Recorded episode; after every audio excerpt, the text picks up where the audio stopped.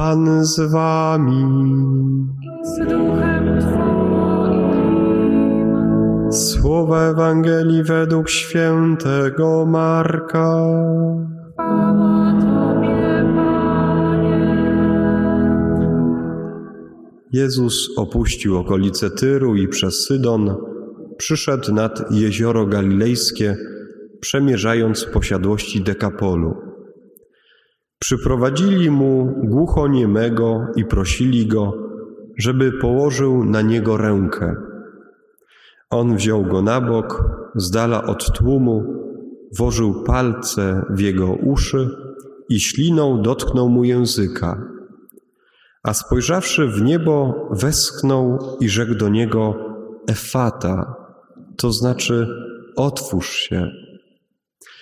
Zaraz otworzyły się jego uszy, więzy języka się rozwiązały i mógł prawidłowo mówić.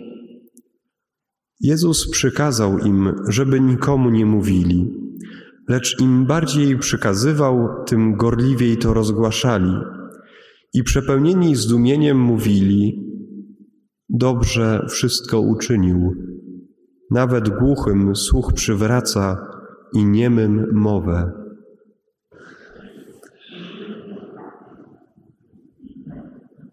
Myślę, że wielu z nas może stać się dzisiaj bohaterem tej Ewangelii.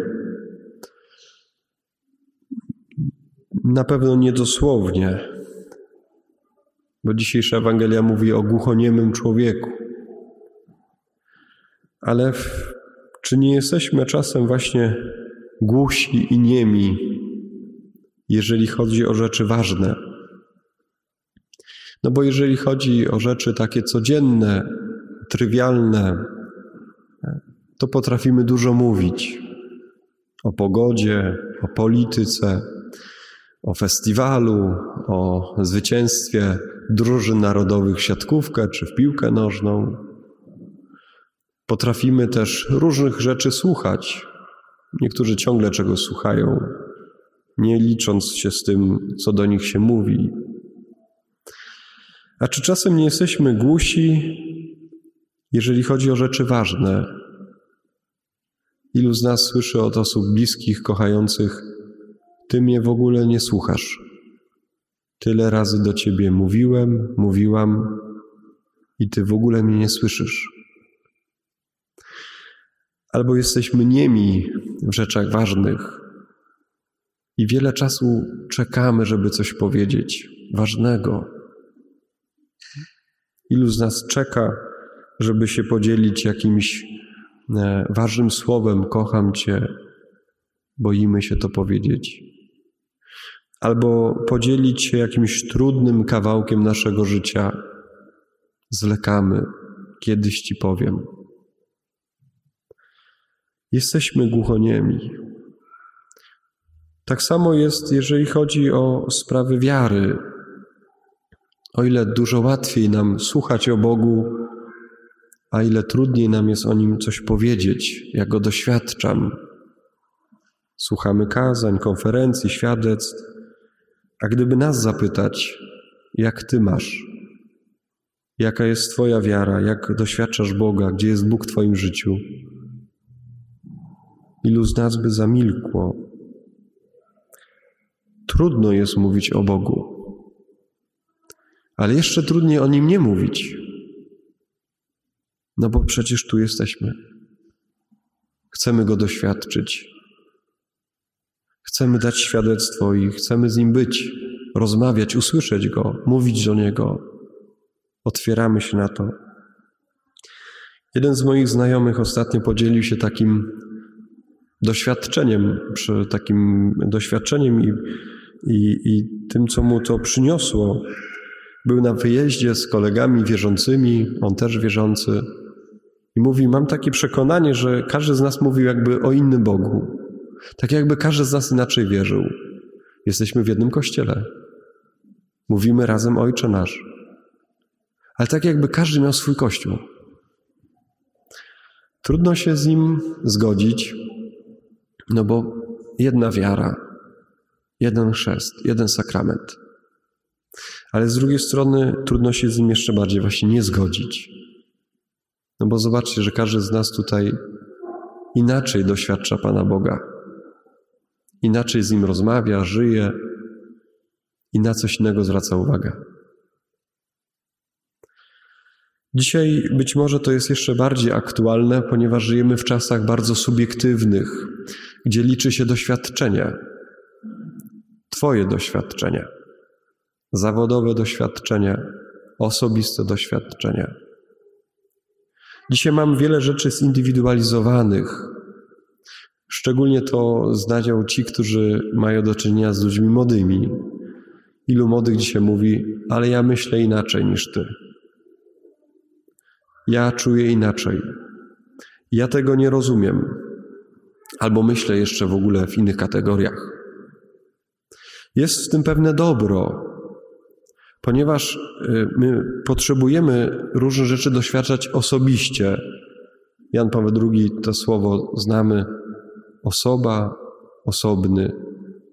Kiedy w samotności coś przeżywamy, stajemy się sobą. To staje się nasze wewnętrzne. To jest bardzo dobre doświadczenie, ale istnieje w tym pewne ryzyko. Jeżeli każdy z nas miałby coś osobiście tylko doświadczać, subiektywnie, to może się czuć osamotniony w tym doświadczeniu. Można się czuć w rodzinie osamotnionym. Tylko ja tak mam, tylko ja tak doświadczam. Różne pytania mogą być z tym związane. Jestem normalny, nienormalny? Czy jestem wierzący, niewierzący? Kocham, nie kocham? Przez ostatnie tygodnie nawet tu w kościele waszej parafii gościliście co tydzień innego misjonarza. Ameryka, Afryka, Papua Nowej Gwinei, w zeszłym tygodniu ksiądz Marek. I zobaczcie, że ci misjonarze mówili o jednym kościele, mówili o katolikach w różnych rejonach świata, a tak jakby każdy mówił całkowicie coś innego. Bóg daje nam się poznać każdemu inaczej, każdemu inaczej.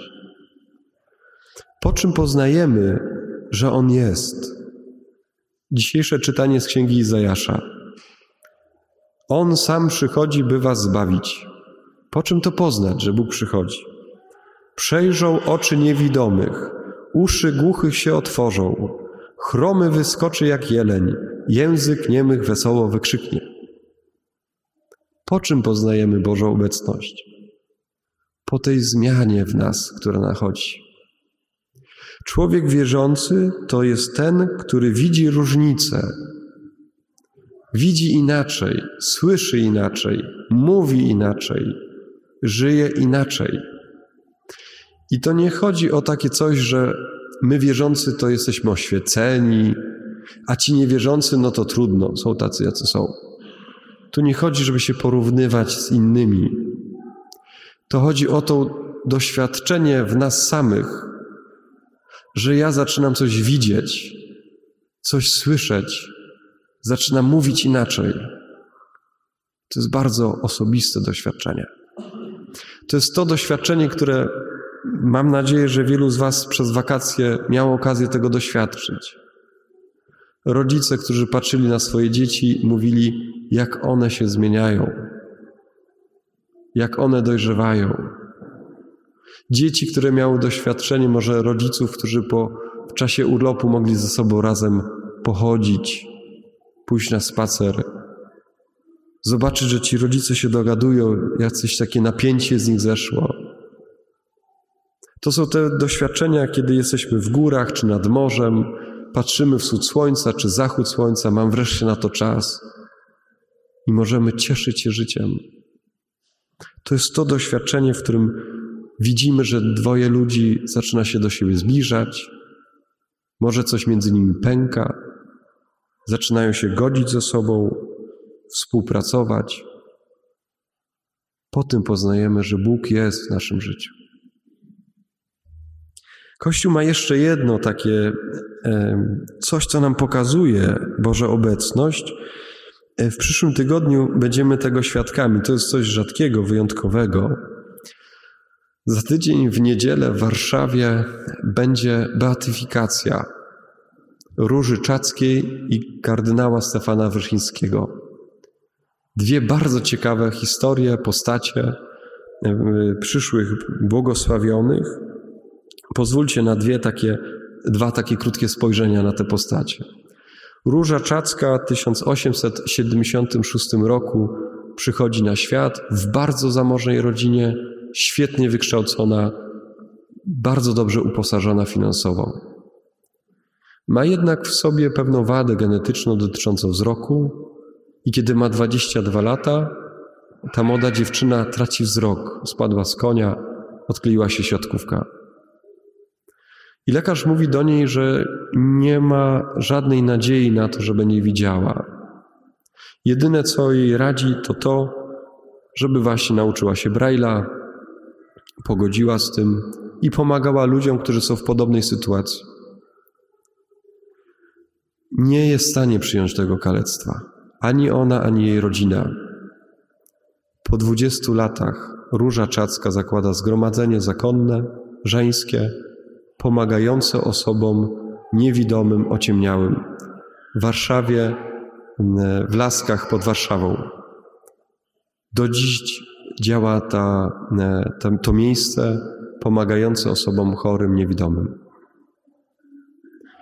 Druga postać, kardynał Stefan Wyszyński, z ubogiej rodziny, z malutkiej wioseczki, zgłasza się do seminarium duchownego, chce zostać kapłanem, ma ciężką chorobę płuc. Ta choroba jest tak trudna, że przełożeni mówią: Nie ma sensu ciebie święcić, bo ty umrzesz. I wtedy Stefan Wyszyński prosi o takie święcenia, żeby mógł chociaż kilka mszy odprawić. Zostaje później biskupem, kardynałem, ostatecznie nazywamy go prymasem tysiąclecia. Powiemy, to są wielkie postacie, święci. Może nikt z nas nie ma tak tragicznych historii w swojej życiorysie, ale z drugiej strony mało prawdopodobne, żeby wśród nas siedziała osoba, która założy zgromadzenie zakonne albo zostanie prymasem. Na pewno jestem przekonany do tego, że Bóg dzisiaj komuś otworzy na nowo oczy, żeby widzieć dobro. Otworzy komuś uszy, żeby coś usłyszeć dobrego. Otworzy i rozwiąże język, żeby powiedzieć coś dobrego. Na miarę naszego życia. Sobie i Wam tego życzę dzisiaj.